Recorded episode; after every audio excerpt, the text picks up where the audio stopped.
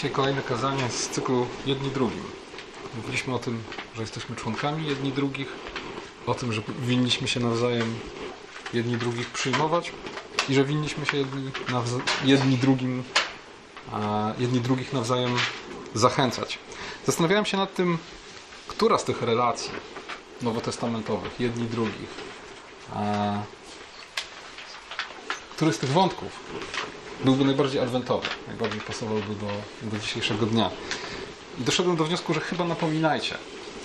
A to dlatego, że tradycyjnie Adwent, który jest czasem oczekiwania na przyjście Pana, czasem, w którym z jednej strony wspominamy tajemnicę wcielenia e, i to oczekiwanie ludu Bożego na przyjście Chrystusa. Z drugiej strony Adwent jest też przypomnieniem o oczekiwaniu, o tym, że oczekujemy na powtórne przyjście, przyjście Chrystusa.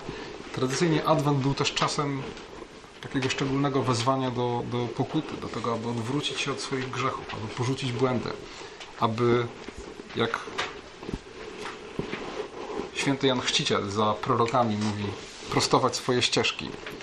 Stąd dzisiaj chciałbym parę słów powiedzieć o wzajemnym napominaniu się.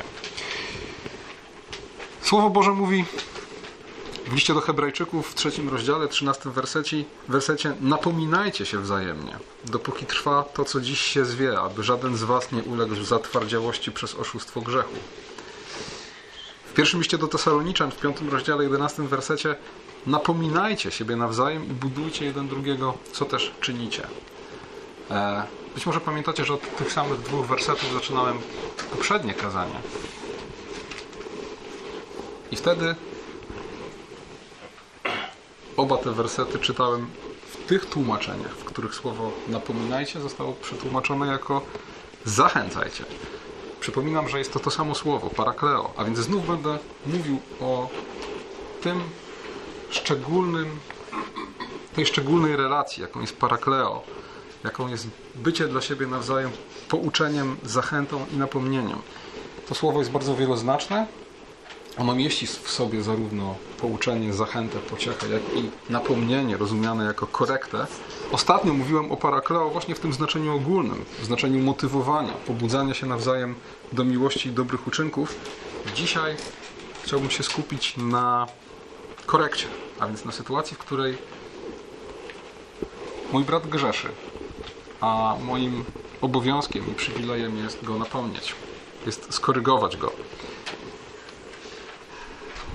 Mówiłem o tym, że parakletosem nazywany jest Duch Święty, a zatem kiedy Biblia wzywa nas do tego, abyśmy wobec siebie nawzajem pełnili tę służbę opisywaną przez czasownik parakleo, to tak naprawdę wzywa nas do tego, abyśmy byli współpracownikami Ducha Świętego w dziele uświęcenia naszych braci. Poprzez zachętę, poprzez napomnienie, poprzez pociechę, którą im niesiemy, możemy mieć swój udział w tym, że nasi bracia i nasze siostry wzrastają w Chrystusie. Dlatego powinniśmy z wielką powagą traktować wezwania do napomnienia, niesienia sobie nawzajem pociechy i zachęty, dlatego że są to wezwania do podjęcia niezwykłego dzieła w życiu drugiego człowieka. Pierwszy podstawowy problem, z jakim zmagamy się, kiedy myślimy o napomnieniu, to pozorna sprzeczność, zderzenie dwóch nowotestamentowych idei. Z jednej strony napominajcie siebie nawzajem. W liście do Galacjan czytamy nawet Bracia, jeśli człowiek zostanie przyłapany na jakimś upadku, wy, którzy macie ducha, poprawiajcie takiego w duchu łagodności, bacząc każdy na siebie samego, abyś i ty nie był kuszany. A więc jesteśmy wezwani do tego, żeby się nawzajem napominać. Jesteśmy wezwani do tego, aby widząc grzech w życiu brata, nie pozostawać obojętnym wobec tego. Tutaj nawet apostoł Paweł mówi: poprawiajcie. Jeśli widzicie, że jeśli ktoś został nie przyłapany na upadku, kiedy ktoś publicznie grzeszy, wtedy go poprawiajcie w duchu łagodności. Napominajcie. Z drugiej strony, Ewangelia Łukasza, szósty rozdział od 37 wersetu. Tu z kolei czytamy takie słowa. Nie sądźcie, a nie będziecie sądzeni, i nie potępiajcie, a nie będziecie potępieni. Odpuszczajcie, a dostąpicie odpuszczenia. I dwa wersety dalej. Czy może ślepy ślepego prowadzić? Czy obaj nie wpadną do dołu? Dlaczego widzisz źdźbło w oku brata swego, a belki w oku własnym nie dostrzegasz? Albo jak powiesz bratu swemu, pozwól, że wyjmę źdźbło z oka twego, a oto belka jest w oku twoim? Obłudniku, wyjmij najpierw belkę z oka swego, a wtedy przejrzysz, aby wyjąć źdźbło z oka brata swego. A więc słuchajcie, mamy takie zderzenie dwóch idei, zderzenie dwóch napomnień. Z jednej strony napominajcie siebie nawzajem, poprawiajcie siebie nawzajem, z drugiej strony nie sądźcie. I tak naprawdę, żeby zrozumieć biblijną ideę napomnienia, dobrze jest najpierw powiedzieć parę słów o biblijnej przestrodze przed osądzaniem. O czym mówi tak naprawdę Chrystus w Ewangelii Łukasza w szóstym rozdziale? Może najpierw o czym nie mów, bo to jest bardzo istotne. Ten tekst z Ewangelii Łukasza nie mówi o tym, że zachowanie człowieka nie podlega ocenie moralnej. Tak chciałby czytać ten tekst współczesny człowiek. Współczesny człowiek chciałby być poza sądem. Chciałby odebrać wszystkim prawo do osądzania go. Ale nie o tym mówi ten tekst. Ten tekst nie mówi też o tym, że nie wolno nam, nam, zwykłym, prostym, grzesznym ludziom dokonywać oceny moralnej. Wolno. Wielokrotnie Biblia o tym mówi.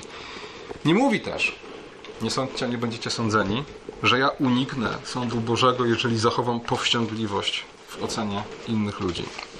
Nie stoi też w przeczności z obowiązkiem napominania i nie mówi, że muszę być doskonały, aby pouczać i napominać innych. Nie o to chodzi w idei wyciągania belki z własnego oka. O co zatem chodzi w Ewangelii Łukasza? Tutaj kluczem do zrozumienia tego tekstu są słowa ślepy prowadzi ślepego. Bo bohaterem tego tekstu jest właśnie faryzeusz. Jest ślepy przewodnik ślepych. Czyli jest ktoś, kto, można powiedzieć, zawodowo zajmuje się prostowaniem cudzych dróg. Jego ślepota, i teraz czytajmy to w kontekście wszystkiego, co Chrystus mówi na temat faryzeuszy i uczonych w piśmie, polega przede wszystkim na podwójnych standardach. Na tym, że jest w stanie e, przecedzić komara, tak? ale nie zauważyć wielbłąda. Miesza ludzkie nakazy e, ze Słowem Bożym. Wszystkie te teksty, w których Chrystus mówi oddajecie wiernie dziesięcinę z mięty i kopu, a zapominacie o miłosierdziu, zapominacie o sprawach najważniejszych. Podwójny standard wyraża się też w tym, że jak czytamy a, jak czytamy w Ewangelii Mateusza, to jest 23 rozdział, czwarty werset. Uczeni w piśmie i faryzeusze mieli tendencję do tego, aby nakładać na innych ciężkie brzemiona, wielkie ciężary, podczas kiedy sami nawet nie próbowali ich, jak mówi Chrystus, tknąć palcem.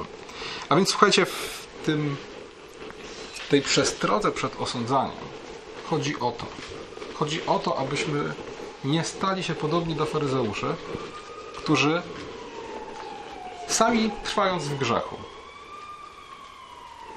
i obłudnie szukając fałszywego samousprawiedliwienia w tym, co postrzegali jako własna sprawiedliwość, stosując podwójne standardy, nakładali ciężkie brzemiona na swoich braci osądzając ich nie z powodu realnego grzechu często, ale z powodu przekraczania tego, co było ludzką nauką, ludzką tradycją. Stosując podwójne standardy, korygowanie innych ludzi, prostowanie ścieżek innych, traktowali jako sposób na utwierdzenie siebie samych we własnej sprawiedliwości. Przed tym przestrzega nas Chrystus, mówiąc: Nie sądźcie abyśmy byli, abyście nie byli sądzeni. I teraz widzicie, tak naprawdę dopiero zestawienie ze sobą tych dwóch wezwań. Napominajcie jedni drugich. Nie sądźcie, abyście nie byli sądzeni. Daje nam właściwą perspektywę na to, czym jest biblijne napomnienie. Biblijne napomnienie to sytuacja, w której ja, widząc grzech brata, idę do niego z braterskim, z braterską przestrogą i napomnieniem nie będąc jak faryzeusz, a więc nie stosując podwójnych standardów. Robiąc napominając bez poczucia satysfakcji i wyższości. Nie po to, aby siebie utwierdzić we własnej sprawiedliwości, ale po to, aby przywieźć brata do upamiętania. W trosce i w miłosierdziu. I słuchajcie, warto zestawić ze sobą dwie rzeczy. List do Galacjan, szósty rozdział, pierwszy werset, który przeczytałem. Jeśli przeczytamy dalej, drugi werset, to zobaczymy rzecz ciekawą. Bracia, jeśli człowiek zostanie przyłapany na jakimś upadku, wy, którzy macie ducha, poprawiajcie takiego w duchu łagodności, bacząc każdy na siebie samego, abyś i ty nie był kuszony.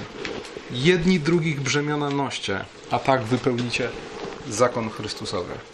Zobaczcie, tutaj wezwanie do tego, aby poprawić brata, aby go napomnieć i skorygować, jednym tchem łączy się z wezwaniem jedni drugich brzemiona noście.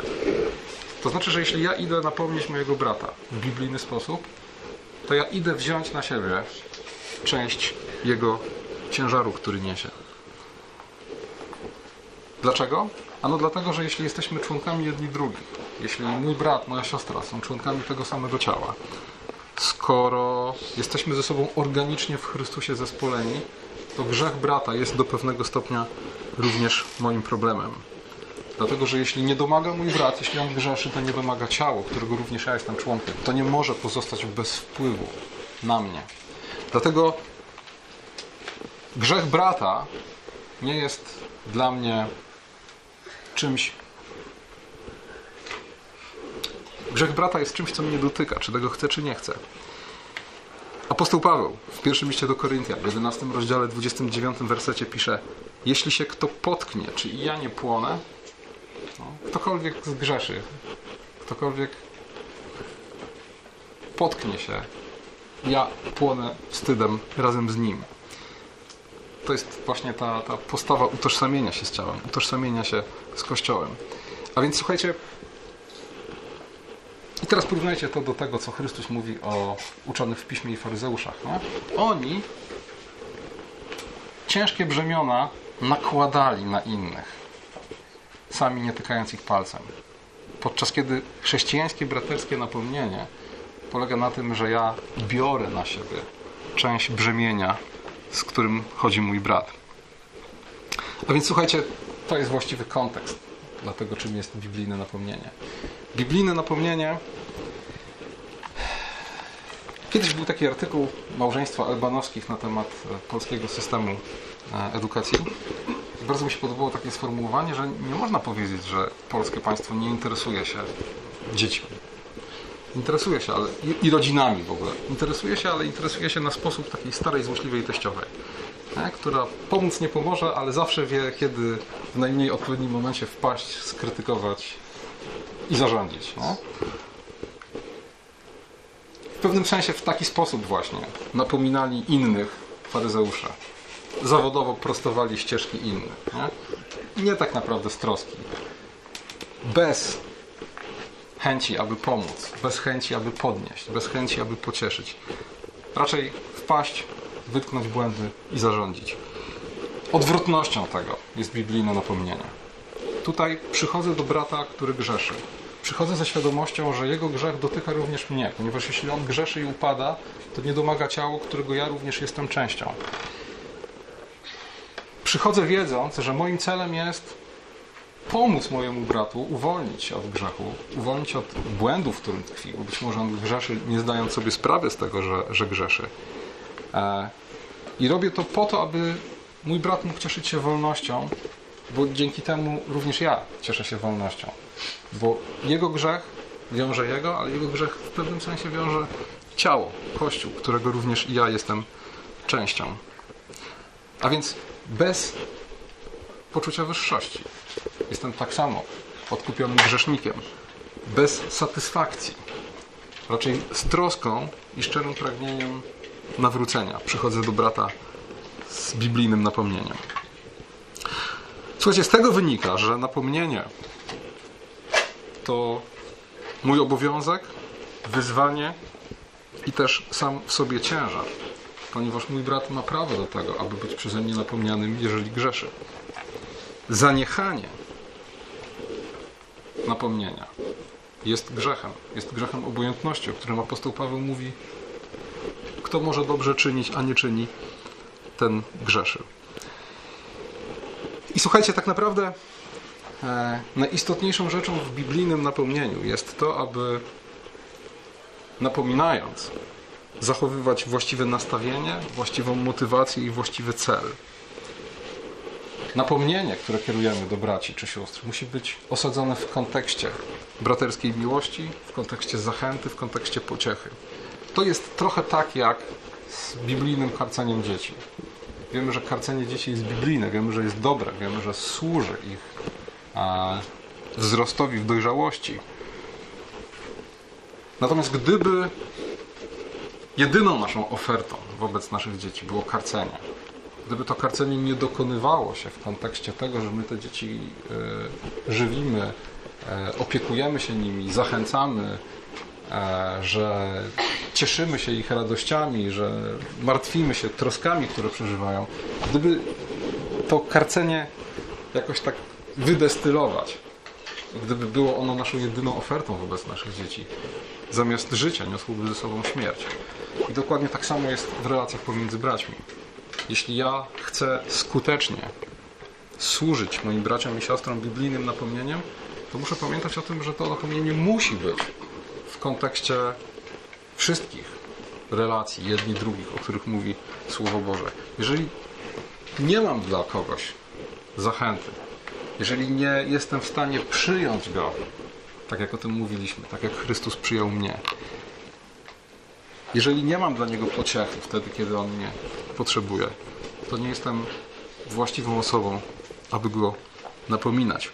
Dlatego, że celem napomnienia jest powrót na dobrą drogę, ale też pociecha, dlatego że grzech prędzej czy później, najpóźniej w chwili nawrócenia, e, grzech to łzy, grzech to smutek. I wtedy ja, który przyszedłem z napomnieniem. Jestem zobowiązany też do tego, aby pocieszyć tego, który z powodu własne, własnego grzechu płacze. O tym mówi wyraźnie apostoł Paweł w drugim liście do Koryntian, gdzie mówiąc o nawróconym grzeszniku spośród zboru mówi uważajcie, aby go smutek zbytnio nie pochłonął. Tego, którego napominaliście, teraz pocieszcie. Werset, który pokazuje nam kontekst tego, jacy winniśmy dla siebie być, po to, abyśmy mogli skutecznie siebie nawzajem napominać, to list do Efezjan, rozdział 4, werset 32. Bądźcie jedni dla drugich serdeczni, cierpliwi i współczujący. Nie jest możliwe skuteczne biblijne napominanie, jeżeli nie jesteśmy wobec siebie serdeczni, jeżeli nie jesteśmy wobec siebie cierpliwi, pamiętając, że Bóg również nas poprzez swoje słowo cierpliwie napomina przez wiele lat podczas kiedy my przez te wiele lat bardzo często popełniamy ciągle te same grzechy, te same błędy. Wiemy, że Bóg cierpliwie napominał swój lud przez setki lat, posyłając swoich proroków. I wreszcie współczujący, współodczuwający, a więc idąc do mojego brata, który jest związany grzechem, muszę pamiętać o tym, że również ja byłem niewolnikiem grzechu. I również ja dzisiaj często dzięki Bożej łasce na krótko, ale nadal zdarza się, że w swoim codziennym życiu podpadam na nowo, popadam na, wolo, na nowo w niewolę grzechu. Jeśli wezwanie do napomnienia mieści się w tych relacjach jedni drugich, to pamiętajmy o tym, że jest to relacja wzajemna. A więc z jednej strony wezwani jesteśmy do tego, aby napominać siebie nawzajem, z drugiej strony jesteśmy wezwani do tego, aby napomnienie przyjmować. I słuchajcie, wiele można byłoby mówić o tym, w jaki sposób reagujemy na napomnienia. A kiedyś pamiętam na mojej ordynacji wiele lat temu Marek kiedyś mówił takie kazanie o tym, w jaki sposób reagujemy na napomnienia. To dzisiaj wiele z tych rzeczy, o których Marek mówił, pamiętam. A to dlatego, że rzeczywiście Napominanie jest jedną z tych niewdzięcznych służb. Niewdzięcznych dlaczego? Dlatego, że bardzo często osoba, która rzeczywiście trwa w grzechu, nie za bardzo ma ochotę usłuchać naszego napomnienia. często jest tak, że osoba, która jest napomniana, stosuje jakieś uniki, wymówki albo wręcz atakuje tego, który przychodzi z braterskim napomnieniem. Często atakowany jest ten, kto dopełnił wszystkich tych warunków, o których mówi Biblia. Kto ze swoim napomnieniem przychodzi w duchu braterskiej miłości, bez poczucia wyższości, w kontekście wzajemnej zachęty, w kontekście wzajemnej pomocy. A mimo to spotyka się na przykład z oskarżeniem o co?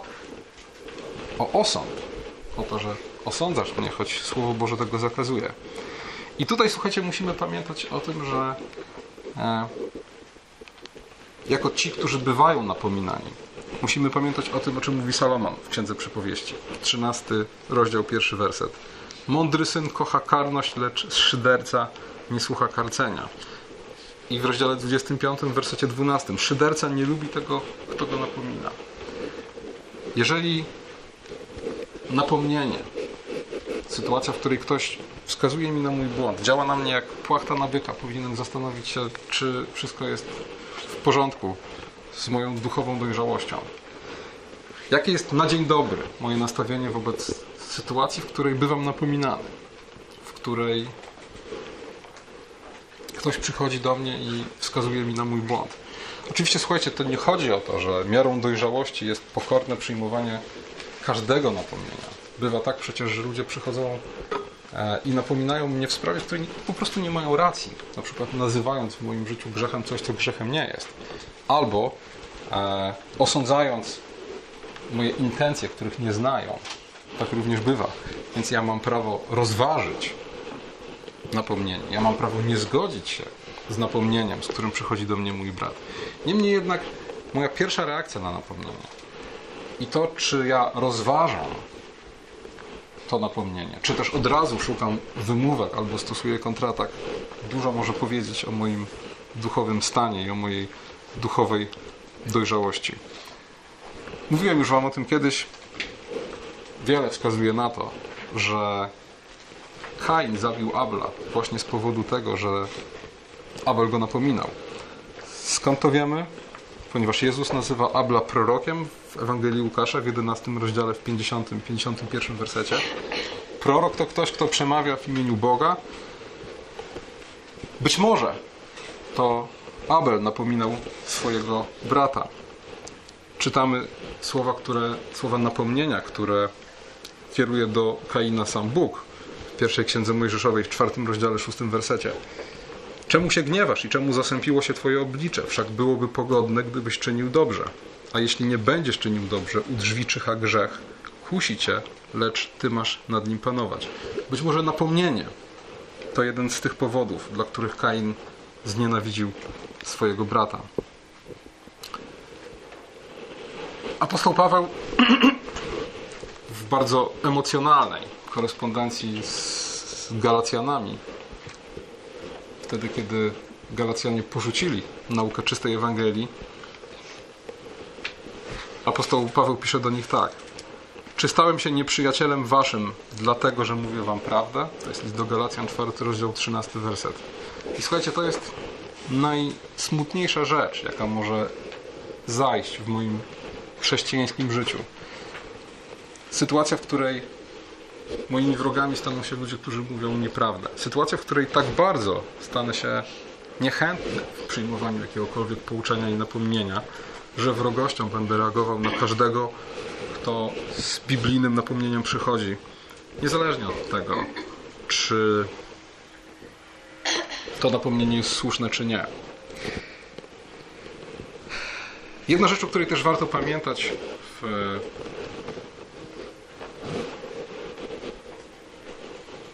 jeśli chodzi o przyjmowanie napomnienia ze strony innych.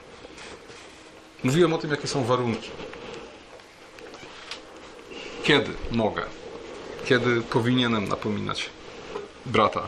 Mówiłem o tym, że musi być kontekst. Musi być kontekst wzajemnej zachęty. Musi być kontekst e, serdeczności, współczucia itd., itd. Niemniej jednak popełniam błąd, kiedy oceniając brata, który przychodzi do mnie z napomnieniem, zaczynam szczegółowo analizować, na ile on te warunki spełnia. na ile w Jego postawie jest współczucie, serdeczność, łagodność. Dlatego, że poddanie napomnienia tego typu analizie e, jest najprostszą drogą do odruchu obronnego i odrzucenia. Zawsze znajdziemy jakąś skazę niedoskonałości w postawie brata. To nie jest w tym momencie moje zadanie. Ja powinienem jedynie rozważyć, czy. bo to jest jego odpowiedzialność. Jego odpowiedzialnością jest osadzenie napomnienia w kontekście łagodności, serdeczności i zachęty. Ja natomiast powinienem jedynie rozważyć, czy napomnienie, z którym przychodzi, jest słuszne. Czy rzeczywiście grzech w moim życiu, na który wskazuje mój brat, jest realny. Jeśli tak, niezależnie od motywacji, dla których do mnie przyszedł, stylu, w jakim to zrobił, powinienem napomnienie z wdzięcznością przyjąć. Powinienem przyjąć z wdzięcznością, dlatego że napomnienie jest jednym z tych e, instrumentów, który Bóg wykorzystuje do tego, aby nawracać mnie z drogi grzechu i śmierci. A więc jest jednym z tych instrumentów, który chroni mnie przed tym, przed odejściem od Chrystusa i przed popadnięciem na nowo w niewolę grzechu. Amen.